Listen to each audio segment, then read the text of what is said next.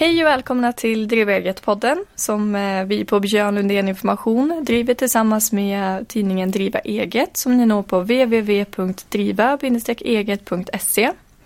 Idag kör vi på tema semester tillsammans med mig, Maja Sundlöv och Thomas Norman och vi har äran att ha vår semesterexpert Annette Broberg med oss. Så ingen Ulf i det här avsnittet utan jag och Thomas kör en duett tillsammans med Anette. Det rimmar. Mm. Eh, så, bollen är eran. Eh, semester. Semester, ja det är ju det är ju ganska roligt ämne. Alla vill ju ha semester på något vis här. Och eh, tittar man lite grann tillbaka så är det ju faktiskt inte så länge som vi fick lagstadgad semester i Sverige. Det är kanske svårt att minnas. Så många menar ju på liksom att vi hade ju mycket eh, reformer på eh, personalområdet. Va? Som gjorde att man fick liksom mer timmar i hemmet och min, färre timmar på arbetet. Då. Och det här liksom ökade på. Vi fick eh, kortare arbetstid och vi fick semester som utökades. Va? Och många menar på att det här området har ju stått väldigt still nu under många år. Tittar man på semestern till exempel så fick vi lag om två veckors semester som gällde för alla 1938. Och det här byggdes ju på 1946. Då tyckte man att man skulle liksom ta hand om ungdomarna på något vis. Så att var man under 18 år så fick man tre veckor. 51, då fick alla tre veckor. 63 fick alla fyra veckor. Och sen då har vi nuvarande modell då, sedan 1978 med fem veckors semester. Och varför har det byggts på då? Jobbar vi mer och därför behöver vi mer semester eller jobbar vi mindre och mer semester? Alltså det är ju intressant. Det är ju, Sverige har ju förändrats otroligt mycket sedan 1938. Sverige var ju, får man ju tänka, ett fattigt land i Europa före alltså 1900-talet. Och eh, Sverige fick en enorm skjuts när det gällde finanserna i samband med andra världskriget. Då var ju Sverige en vinnare. Vi hade alltså ett princip sönderbombat Europa och det fanns få länder som hade en fungerande industri kvar. Och då hade vi ju Sverige då. Så att vi kunde ju direkt bara pumpa på och köra. Mm. Så mycket av det här svenska folkhemmet då hade vi råd att bygga i samband med då. Så att det var ju då det här liksom byggdes fram då. Nu kan man ju säga att hela princip västvärlden har ju någon form av lagstadgad semester. Då. Ja, utom USA. De saknar faktiskt lag för det här. Mm. Så att eh, ja, så ser det ut. Så sedan 1978 har vi i princip stått still då på semesterfronten. Mm. Får se om det är något parti som kanske lägger något förslag om sex veckors betald semester. För det här är ju då enligt semesterlagen. Då. Många har ju egna avtal på sidan av eller kollektivavtal då, som styr. Och då kan man ju ha mycket längre semester. Mm. Mm. Men inte kortare? Nej, man får ju alltså i princip inte ha avtal som ger det sämre än semesterlagen. För det krävs då kollektivavtal. Mm. Och då har man då ett starkt fack i ryggen i tanken som liksom som då företräder arbetstagarna. Mm. Och har man då fått någonting som är sämre då har man fått någonting annat som är mycket bättre än vad lagen säger. Okay. Mm. Men semester från grunden då? Om vi börjar liksom på ruta ett och går igenom. Mm. Hur, hur funkar det i praktiken? Ja, om vi säger då semester från grunden var det. Och då kan man säga att den anställde, precis som Thomas sa, har rätt till 25 dagars semester. Eh, men lagen säger ju också så att innan man får betald semester så måste man ju ha jobbat ett tag för att tjäna in den här betalda ledigheten då. Och därför har man enligt semesterlagen, man har ett intjänande år som löper från första april till sista mars året efter. Och sen året efter är ju semesteråret. Så att när man är nyanställd så har man då eh, inte rätt till betald semester direkt utan man måste alltså tjäna in den här ledigheten. Men sen har man som nyanställd alltid rätt att vara ledig för semester. Men hur lång ledighet man har det beror lite grann på när man börjar under semesteråret. Då. Okay. Men förskottssemester då kan man väl ta ut? Förskottssemester finns inte egentligen reglerat mm. i mhm. semesterlagen utan det är någonting som man kan komma överens om i ett enskilt avtal. Det som finns reglerat i semesterlagen det är skyldigheten att betala tillbaka den här förskottssemestern som man har fått. Mm. Men det är ju väldigt förmånligt att få en förskottssemester om man börjar hos en arbetsgivare. Men rent generellt så är det så att för tjänstemän så är det ofta i deras kollektivavtal att de har rätt till någon slags förskottssemester. Då. Det är ju mindre vanligt inom arbetaravtalen. Då. Det är ju väldigt så här, man kan tycka omodernt med alla de här arbetsrättsliga mm. lagarna. Man är arbetare eller tjänstemän och man är arbetstagare och så. Men, men det är de begreppen som gäller. Då. Och det som Anette var inne på är lite intressant också. Då, det är liksom en semester, det är ju två delar. Va? Dels har du då rätt framförallt att vara ledig för vila och rekreation. Då. Eh, och har du då jobbat in under det här intjänande året, ja då har du rätt liksom till vila och rekreation på arbetsgivarens bekostnad. Och första året du börjar, om du börjar före, om man då säger att du har ett intjänande år, alltså att du har ett bryt där, alltså att du börjar ett nytt år första april. Mm. Sista nyåret kan man fira i semestersammanhang, då firar man då sista mars, då är det nyårsafton. Ja. så första april har du och eh, om du då tar en anställning efter 31 augusti, då har du bara fem dagars ledighet, obetald ledighet att ta ut, fram tills första april. Då. Men om du däremot får en anställning då, säg i, maj eller juni, ja, då har du också rätt att ta ut 25 dagar men det är då obetalda dagar. Mm. Sen kan det ju faktiskt vara att eh, de här rätten att ta ut 25 eller semesterdagar, det beror ju också på om man har tagit semester hos en tidigare arbetsgivare. Just det, bra. Så att är det så att jag får en ny anställning, säg att jag börjar i eh, vad ska man säga, mitten av juni. Mm.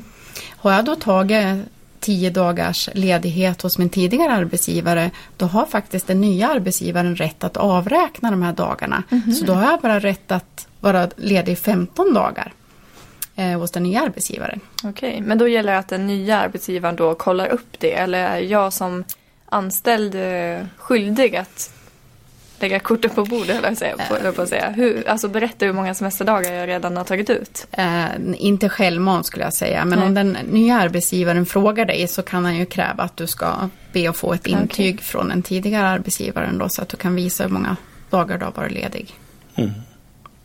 Annars är det ju bra att känna till det, liksom, att oavsett om det är Nisses Mekaniska med en anställd liksom i Hudiksvall som, gör en anställd, har en anställd. Då. Eller om det då pratar om kanske ett stort företag i Sverige, Volvo eller något sånt där. Då eh, är det ju samma semesterlag i botten. Och det som då liksom skiljer, så alla kan man säga omfattas av semesterlagen. Mer eller mindre. Sen då alla som har kollektivavtal. De har ju då mycket undantag då genom att man har förhandlat centralt. Då, från arbetsgivarparten och från, från arbetstagarparten. Då. Sen finns det vissa saker som man då kan få ändra på om man har ett så, här, så, kallat lokalt avtal eller via om man har gjort ett avtal med den vanliga anställde. Då. Men hela semesterlagen liksom, det är en, en skyddslagstiftning för den anställde. Och det måste man tänka på. Och inom arbetsrätt så är det alltid arbetsgivaren som är den starkare parten. Så om man till exempel som arbetsgivare får in en anställd som säger så här, men jag vill inte vara ledig betala ut mina, peng, mina, mina semesterdagar i pengar eller strunt i det här. Jag spar mina 25 dagar. Jag, mm. jag står på. Jag jobbar hela sommaren. Ja. Då får man liksom inte som arbetsgivare egentligen säga ja till ett sånt erbjudande. Mm. För då bryter man mot semesterlagen. Och skulle det sen då visa sig att den, an, den anställda arbetsgivaren blir ovänner kanske i ett senare skede. Eller om facket får nys om det här om det omfattas av ett kollektivavtal. Då kommer man att bli dömd för, sannolikt för brott mot semesterlagen då, som mhm. arbetsgivare. Mm. Mm. Och det ska man alltid tänka på att det är arbetsgivarens ansvar att lägga ut semesterledigheten. Och eh, sen kan man också fundera, ja men hur bestämmer man när man får vara ledig då? Ja det är ju någonting man ska samråda om, om man, har, om man inte har kollektivavtal, för då kan det ju ske en central förhandling mm. om hur man ska lägga semestern. Men eh, är man utan kollektivavtal, då är det ju att man samråder med de anställda om hur man ska lägga ut den här huvudsemestern. Och precis som Thomas säger, att säger de att jag vill inte ha semester, ja men då är arbetsgivaren ändå skyldig att lägga ut de här. Och tanken är ju att alla anställda ska ha rätt till en sammanhängande ledighet mm. om fyra veckor under tiden juni-augusti. Men det kan man förhandla lite grann om, om den anställde går med på det. Så det är okej att ta två veckor under sommarhalvåret och två veckor på vinterhalvåret? Eller? Ja, det skulle det kunna vara om den anställde går med på det. Mm. Men arbetsgivaren kan aldrig tvinga den anställde att dela upp sin semester på det sättet. Sen vet vi nu att Maja ska åka på en enormt lång Thailandsresa här till exempel. och då kan man ju ha anställda som ska göra sådana längre resor. Och då kanske man vill spara semester. Och det har man ju faktiskt rätt att göra som anställd. Man brukar säga att man får spara fem dagar. Lite slarvigt, men egentligen har man alltså rätt att, betala, man har rätt att spara alla betalda dagar utöver 20. Så till exempel är vi på Björn Lundén Information, vi har ju faktiskt 30 dagars betald semester. Så i vårt fall så har vi rätt att spara 10 dagar per år. Va? Mm. I fem år säger lagen i undantagsfall eller ömmande fall får man spara i sex år. Då. Då skulle man till exempel vilja göra en längre resa eller vara ledig en längre period. Då, då kan man ju spara semester på det viset. Då. Några dagar i alla fall. Ja, just det. Mm. Och eh, det här med sparad semester, det tycker jag faktiskt är lite krångligt. Mm. Så jag tar mig själv som ett praktiskt exempel. Ja, jag ska åka till Thailand nu, 16 dagar. Nu är det lite röda dagar däremellan så då behöver inte jag ta ut en semesterdag antar jag. Eh, men jag har 11 dagar kvar sparade. Tre betalda och resten obetalda. Men då kan jag alltså ta ut alla semesterdagar. Det spelar ingen roll om det är betalda eller obetalda, eller? Förstår ni frågan? Mm. Och det spelar väl ingen roll... Ja, det är så här. Man ska egentligen ta ut betalda dagar först. Ja, Och sen så obetalda semesterdagar som man har tjänat in då. Då, då är man inte tvungen att ta ut. nej okej. Utan, och man får inte spara obetalda dagar. Precis, jag tror att du pratar lite mer om innevarande års semester när du pratade Ja, om precis, dina dagar. precis. Alltså när man har sparat semester, det är ju någonting man har sparat från tidigare semesterår. Mm. Man kanske har rätt då till de här 25 dagarna och så har sparat fem. Och då kan jag ju spara fem dagar fem år i rad om jag vill. Ah, ja, Och ta ut en jättelång semester det sjätte året. Mm. Eller det femte året. just det. Ni ser, jag är helt ny på semester. Men det var jättebra. Fick vi in det där just det här med, med obetalda dagar och betalda dagar också. Ja, man måste ta ut betalda dagar först och man behöver inte spara obetalda. Precis. Det var därför jag blev lite frågande. För jag tänkte, där har hon obetalda sparade dagar. Jag tänkte, nej. Nej då. Nej, precis. Mm. Tack för förtydligandet. Ja, men hur funkar det med förskottssemester då? Om jag då börjar som nyanställd i september. Mm. Och då vill ju jag ändå faktiskt ha en semester då nästa sommar. Men då hinner ju inte jag jobba i kapp så mycket. Eller jobba Mm. upp så många semesterdagar. Då kan man ju faktiskt komma överens med sin arbetsgivare om de godtar det, att man får vissa dagar i förskott. Mm. Eh, nu vet jag att det är ganska vanligt att man blandar ihop förskottssemester med eh, eller blandar ihop, men det är lätt att tänka att ja, men nu får du de här tio dagarna i förskott Mm. och så avräknar jag det nästa år. Men så kan man inte göra utan eh, just förskottssemester om man har fått det, det är ju någonting som man kan avräkna först om man slutar i vissa fall. Om man slutar inom fem år sedan de här dagarna gick ut. Så det ska man tänka på att ger man förskottsdagar, det är det betalda dagar som, som ja, man får och sen eventuellt får betala tillbaka då när man slutar. Men om du får tio betalda semesterdagar då innebär det ju att du kan ta den betalda ledigheten då i förväg. Men hur kvittas det då? då? Mm. Det kvittas ju inte förrän du slutar. Aha. Eventuellt om du slutar inom fem år. Det är det jag menar att, säg då att du har fått de här tio dagarna och så har du tjänat in kanske 15 betalda till nästa år. Då kan man inte säga, "Ja, men nu har Maja bara fem för hon har ju fått de här tio Mm. förskott. Utan de här ligger kvar Aha. hela tiden. Och det här är ett vanligt missförstånd. För jag vet att vissa liksom, de avräknar de här hela tiden och det får man inte göra. Nej, för det krävs ju åtminstone kollektivavtal också. Så att, så att säkert så är det ju en missförstånd det där mest. Va? Sen är Anette säger att i vissa fall då när man slutar och det är som sagt om man slutar på egen begäran, man säger upp sig själv. Då har arbetsgivaren rätt då, under de här första fem åren att räkna av inarbetad semester mot uh, förskottssemester. Eller om man då eh, Men man har däremot till exempel inte då rätt att avräkna om man, en anställd måste sluta på grund av sjukdom eller om det är så att företaget går i konkurs och sådana saker. Så att det är långt ifrån alla gånger man har rätt att avräkna heller en förskottssemester. Och sen ska man tänka på just det Thomas sa, att man får avräkna mot intjänad semesterlön. Och det är ganska vanligt att man missförstår det där, att man tittar, ja, om du har ju så här mycket slutlön, då kan jag ju räkna upp av hela den här förskottslönen. Men det gäller ju alltså bara mot en semesterersättning jag har rätt. Så att finns det ingen semesterersättning kvar om jag slutar precis när jag tagit ut hela årets semester, ja, då kan inte jag som arbetsgivare avräkna den här förskottssemestern. Om det inte är så att man har ett avtal om det. Ett kvittningsmedgivande från den anställda då. Bara att man får kvitta mot slutlön och det kan ju vara inskrivet i kollektivavtal. Men man ska ju tänka på det som arbetsgivare också att har man liksom ett sådant kvittningsmedgivande från en anställd så kan en anställd alltid ångra sig på det. Vi säger att du får förskottssemester när du börjar på Björn Lundén och sen så när det är liksom dags att ta bort den, men dags att kvitta det. Då säger du nej nu ångrar jag mig. Säger du. Man kan alltid alltså kalla tillbaka ett sånt där medgivande. Jaha. Så att eh, ska man vara trygg för det som arbetsgivare då, måste, då ska, tycker jag i alla fall, då ska man nästan ha det här medgivandet i ett kollektivavtal som gäller. Liksom. Mm. Annars är det osäkert. Nej, och det är ju viktigt som arbetsgivare också att man förstår vad det är man gör när man ger den anställde i förskott. För ger man kanske 20 dagar så kan det ju vara, det är nästan en hel månadslön. Mm, precis. Mm.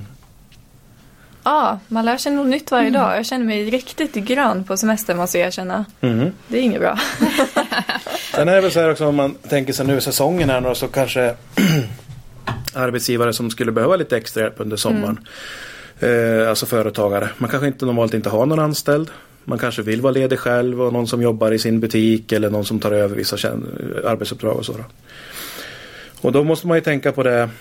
För det första så måste man anställa en person. Och om man aldrig gjort det så är det spännande också. Och är man så grön då kanske man heller inte har kollektivavtal. Va? Utan då är ju tanken att då får man ju tänka på att om man inte avtalar om någonting annat skriftligt då. Alltid arbetsgivaren som är starkare parten. Då har man gjort en tillsvidareanställning. Om vi kommer överens med, från Björn Lundén med Maja här att nu ska du börja jobba här. Första juni. Börja jobba. Ingenting annat bestämt. Eh, underförstått så menar vi att du skulle jobba bara juni och juli. Mm. Men har inte vi skrivit någonting om det. Då är det ju en tillsvidareanställning som gäller. Liksom. Det är vi som arbetsgivaren då som ska bevisa vad vi egentligen har kommit överens om. Så att det är viktigt att tänka på att man då gör ett korrekt anställningsavtal. Förslagsvis om man inte har någon tidigare anställd så kanske man kör en allmän visstidsanställning som det heter, så kallad ALVA. Och det kan ju då vara så kort som en dag. Det kan vara liksom två år under en femårsperiod. Då. Och skriver in vilka veckor eller vilka månader som man kör det här på. Då.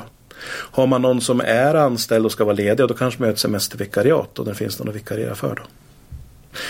Men om man tänker på sen då Anette, det är väl så, så att mm, även sådana anställda har väl rätt att vara lediga va?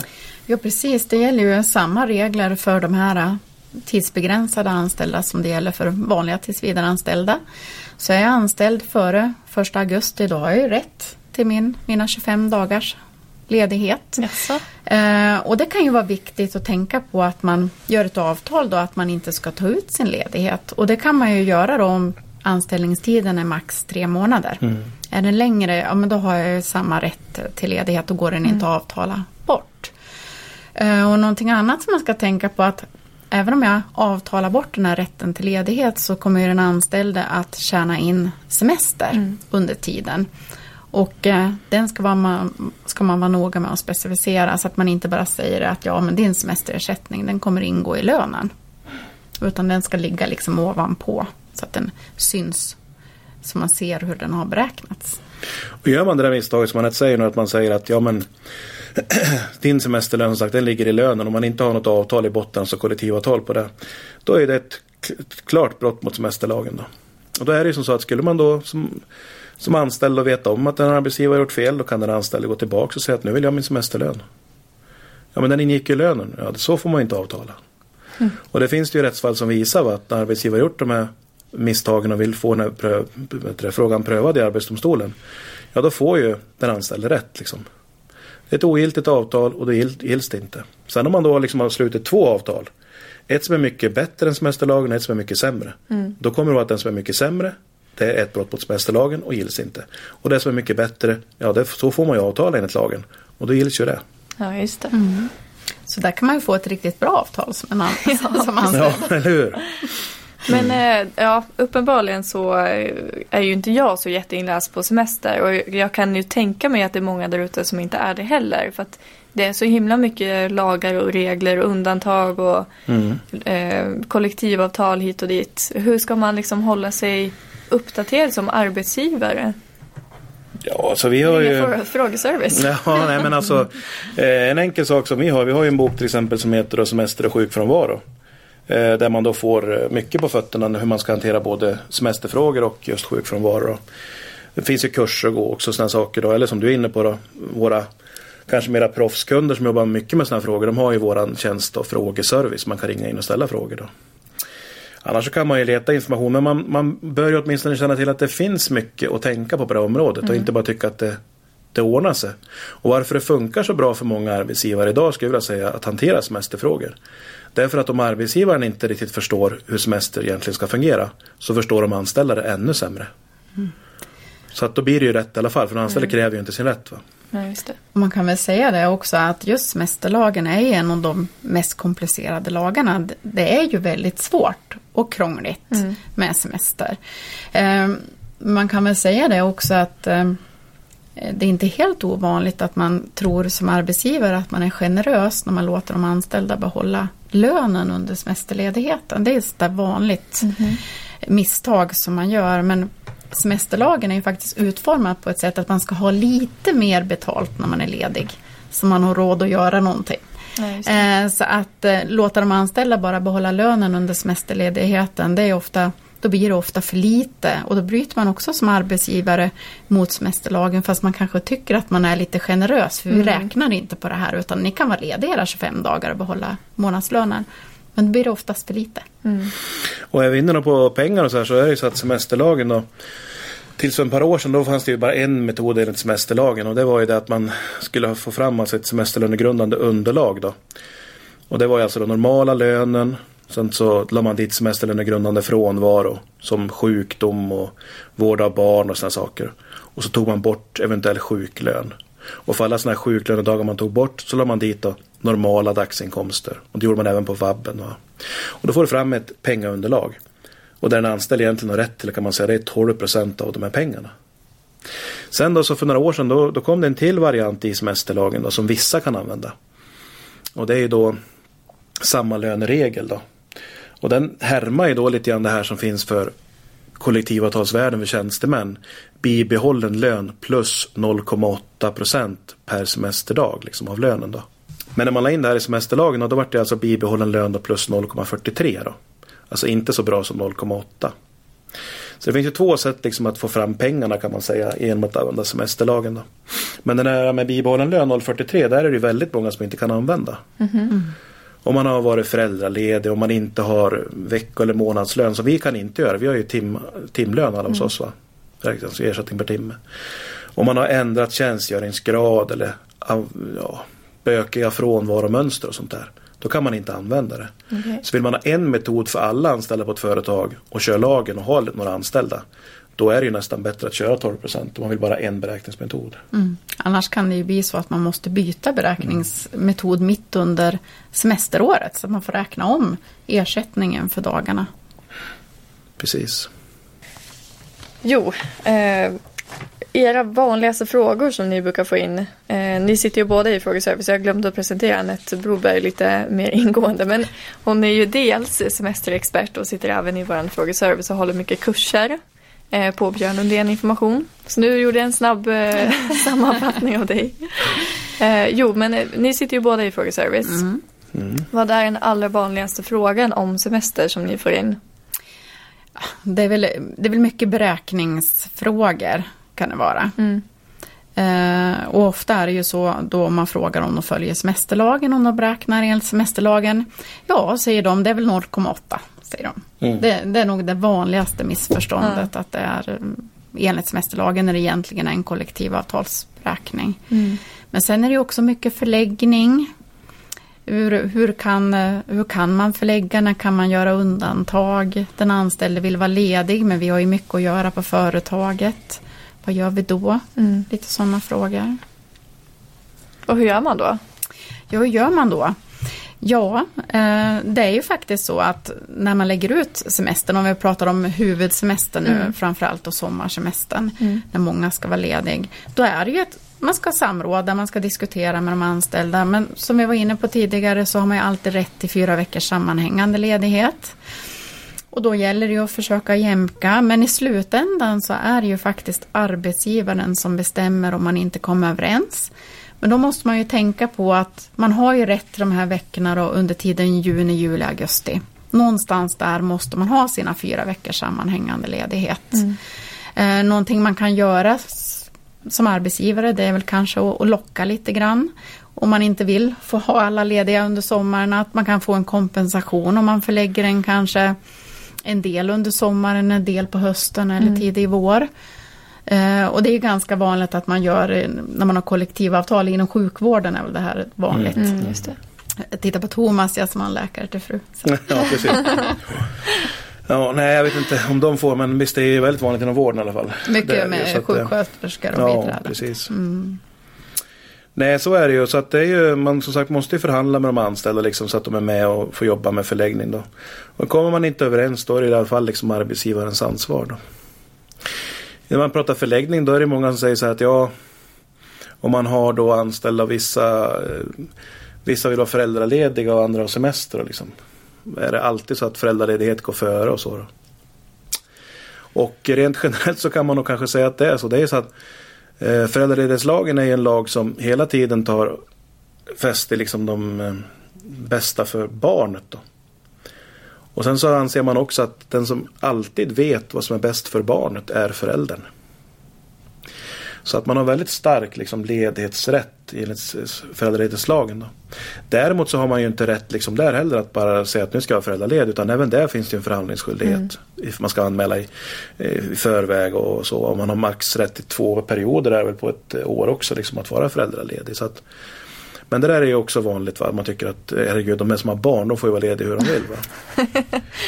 och visst, de, de har kanske lättare att vara lediga, så är det ju.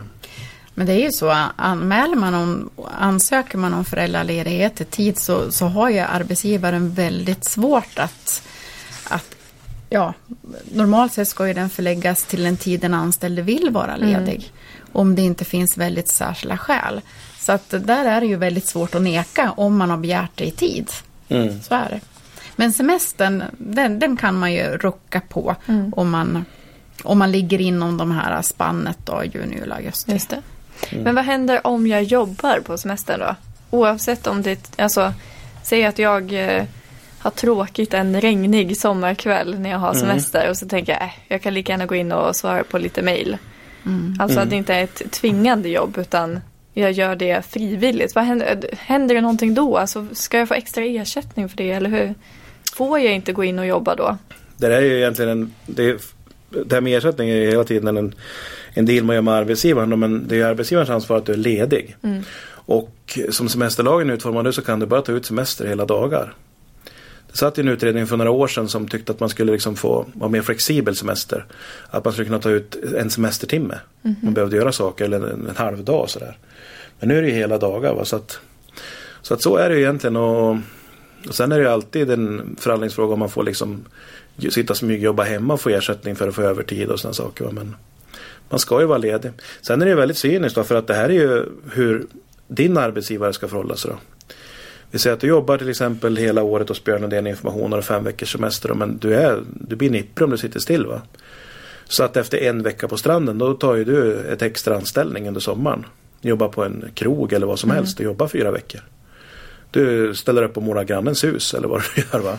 Det kan ju inte arbetsgivaren göra så mycket åt. Va? Alltså han kan i och för sig, det finns ju sådana regler om att man inte får ha bisysslor, man kan förbjuda sånt. Va? Men det är väldigt svårt egentligen, vad säger du Anette, för en arbetsgivare förbjuda de vet ju oftast inte ens om det, va? men att man tar ett annat jobb. Nej, men precis som du säger så får man ju inte, liksom, det får ju inte äventyra det jobb man har. Nej. Och det finns, man kan ju också reglera hur mycket, mm. om man det får ha en bisyssla eller inte. Men rent generellt så tror jag att det är svårt kanske ens att upptäcka det. Så mm. att det, det, kan väl vara svårt. Men, men som sagt, det är ju tanken är ju att man ska liksom vila upp sig under semesterledigheten. Mm.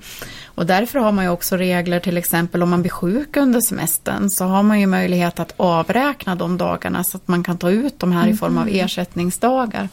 För det är ju inte meningen att man ska ligga hemma och, och vara förkyld i feber när man har semesterledighet utan mm. man ska ju kunna vila upp sig och, så att man är pigg när man kommer tillbaka. Just det. Mm. Och det är vettigt att känna till också. Liksom, man tycker att en anställd helt tappar konceptet när de ringer in till arbetsgivaren och förklarar att de är sjuka en månad när de har semester. Ja, otur säger arbetsgivaren men alltså meningen är att man ska registrera det här då, som en vanlig sjukledighet och så har man ju semestern kvar sen då. Kan ta mm. ut den när man har blivit frisk. Då. Mm. Och då kan man ju istället få sjuklön om det är så att man hade rätt till betald semesterledighet. Så ringer man och sjukanmäler sig första sjukdagen, ja då har man ju rätt att få sjuklön istället för behöva ta ut sin semesterlön då?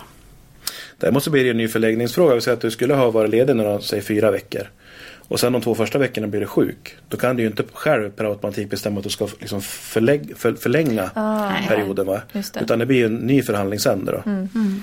Så att eh, det har ju i alla fall bemanningen löst, ofta som en arbetsgivare i alla fall. Då, Mm. Företaget. Men det gäller ju inte bara sjukdom kan vi säga utan det är ju även om du till exempel barnen blir sjuk så kan man ju också vad heter det, ta ut vab Mm. till exempel och kunna få ersättningsdagar då också då. Men det blir en ny förlä- förläggning av de dagarna Mm. som Thomas säger. Just det. Mm. Men det här med beräkningar då som arbetsgivare. Eh, vad är semesterlönegrundande frånvaro? Hur ska man räkna? Mm. Börjar man med semesterlönegrundande frånvaro så det, det mesta som en anställd är borta för, liksom man har någon anledning, är ju faktiskt semesterlönegrundande. Man får sticka fram hakan lite.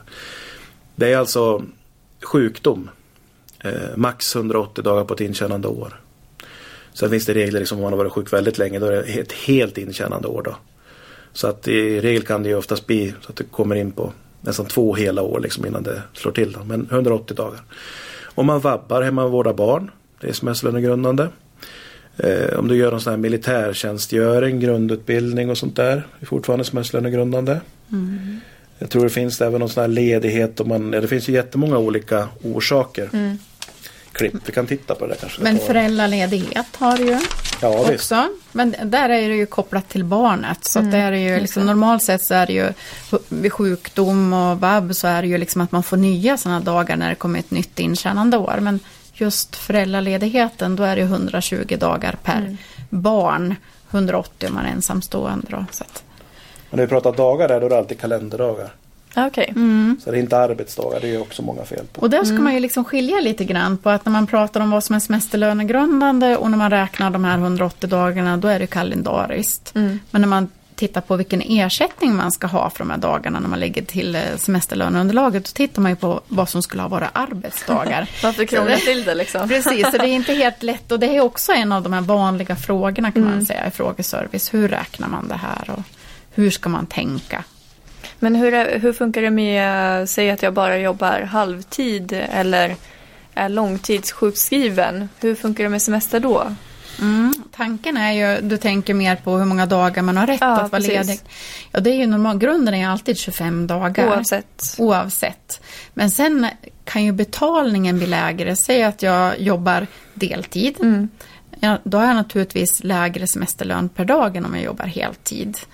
Ehm, och eh, är det så att jag har varit halvtidssjukskriven, ja men då får jag ju, då räknar man ju upp semesterlöneunderlaget de här 180 dagarna. Men säg att jag är halvtidssjukskriven längre tid, ja då kommer jag ju få lite lägre ersättning för då är det ju bara min ordinarie lön som är grundande för semester.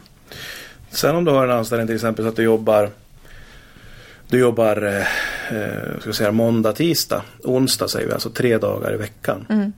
Då är det som du säger, som man säger, att då har du liksom, du får ju färre betalt per dag, eh, du får mindre betalt per dag givetvis, så du får ju ett lägre underlag. Mm. Men då brukar man räkna om det här ofta till nettosemesterdagar då. Så att eh, om du till exempel jobbar tre dagar i veckan då liksom räknar de om det hur många nettosemesterdagar blir det. För säg att du skulle få 25 dagar och jobba tre dagar. Va? Då har du ju rätt att vara ledig i drygt åtta veckor.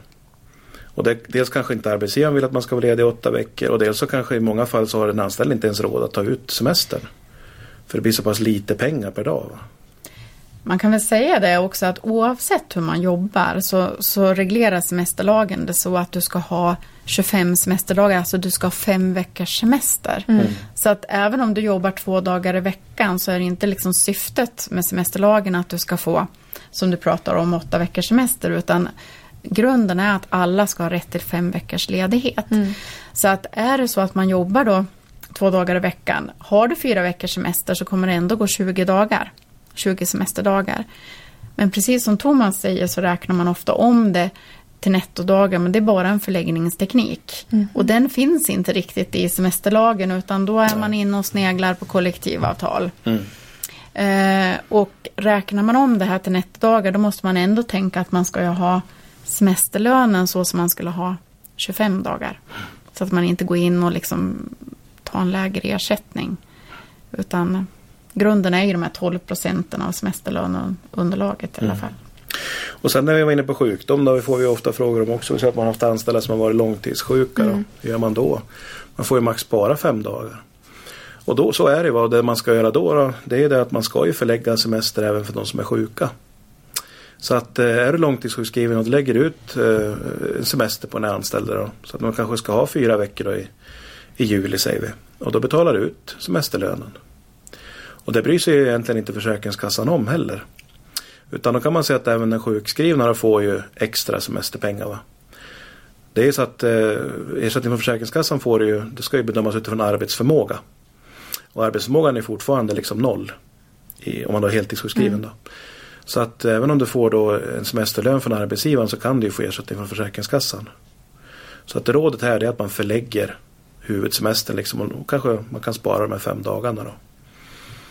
Annars blir det ju väldigt många dagar som är sparade mm. när man kommer tillbaka liksom, och då, då, så får man egentligen inte göra enligt lag. Då.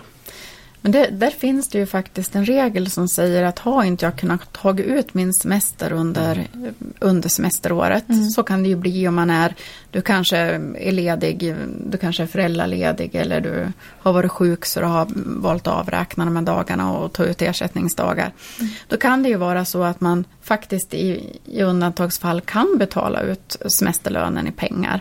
För då kan man titta så när man gör avstämningen, man tittar hur många dagar har jag tjänat in till nästa år och hur många dagar har jag kvar? Då, då kan man titta att då ska jag ha rätt till 25 betalda dagar nästa år. Resten kan jag betala ut i pengar om jag vill. Det blev faktiskt en ny bestämmelse mm. i semesterlagen som ändrades då för några år sedan. Men det är, det är ett undantagfall för normalt sett ska man aldrig betala ut semesterlön Nej. i pengar utan det ska gå i anslutning till ledigheten. Då. Men där finns det ju faktiskt en möjlighet. Mm. Om vi ska summera upp det här avsnittet om semester då. Mm. De tre bästa råden från er två semesterexperter här. Eh, både för arbetsgivare och för anställd. Vad ska man tänka på? Och, och, tips på grejer som, som många inte vet om. Till exempel det här med förskott. Att man inte kan kvitta det. Mm. Som arbetsgivare bör man ju tänka då hur man, eh, eller vara medveten om det när man lägger ut eller när man erbjuder förskottssemester då om man eh, vill chansa på att inte få tillbaka de här pengarna, mm. man tycker det är en bra förmån för den anställde. Sen eh, någonting som man också bör reglera om man ger många förskottsdagar, det är när de senast måste tas ut. Mm. För att eh, det är också vanligt att man glömmer att tala om att de här semester förskottsdagarna förfaller om man inte har tagit ut dem kanske under nästkommande sommar. För sen har man ju normalt sett tjänat in sina 25 dagar och då vill man kanske inte som arbetsgivare att man ska kunna ta ytterligare kanske 10 dagar som man fick Nej, i förskott som man inte utnyttjade. Så det är en sak som man bör tänka på. Sen är det svårt med liksom bästa tips, det beror på vilken situation det är. Mm. Liksom. Men om man tar in någon extra över sommaren liksom bara sådär som ska jobba. Så då är det ju väldigt viktigt att man tänker på att man inte får liksom avtala om att lönen, alltså semestern får ingå i lönen då. Det är ju många väldigt stora fel på. Och att man då hänvisar till semesterlagen i ett anställningsavtal, att det är den man ska följa. Då. Det gör man ju per automatik i alla fall, men att man skriver det. Eh, ja, annan fel som man ser ibland är det att arbetsgivare skriver in till exempel att i ett anställningsavtal att man ska följa ett kollektivavtal. Och då skriver man det med tanke på att man kanske ska ha ja, man ska vara ledig och löneberäkning enligt kollektivavtal och så. Då.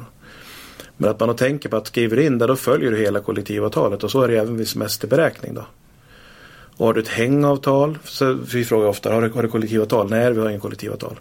Och så visar det sig i samtalet att man har ett hängavtal, man har hängt på ett normalt kollektivavtal. Ja, då eh, omfattas det ju fullt ut av de reglerna. Eller så har man skrivit någonstans i anställningsavtalet att man följer reglerna i Handelstjänstemannaförbundet eller något sånt där. Va? Ja, då gör du det även när det gäller semesterberäkning. Va? Och på alla annat också som kollektivavtalet omfattar. Så det är i och för sig en, en, en ting att tänka på vid all avtalsskrivning mot anställda. Att man inte slentrianmässigt hänvisar till ett kollektivavtal som man inte känner till vad det står. Mm. Någonting annat som man stöter på lite då och då det är att man även fast man är tills vidare anställd betalar ut semesterlönen löpande varje månad. Mm. Det ska man ju aldrig göra. För det första är ju grunden den att man ska ha sin semesterlön när man är ledig för semester. Mm. Eh, och man bryter egentligen om mot semesterlagen men framförallt så har ju kanske inte den anställde ens råd att vara ledig när man kommer fram till semesterperioden. För ofta är det ju så, får man pengarna ja. så gör man ju gärna av med dem.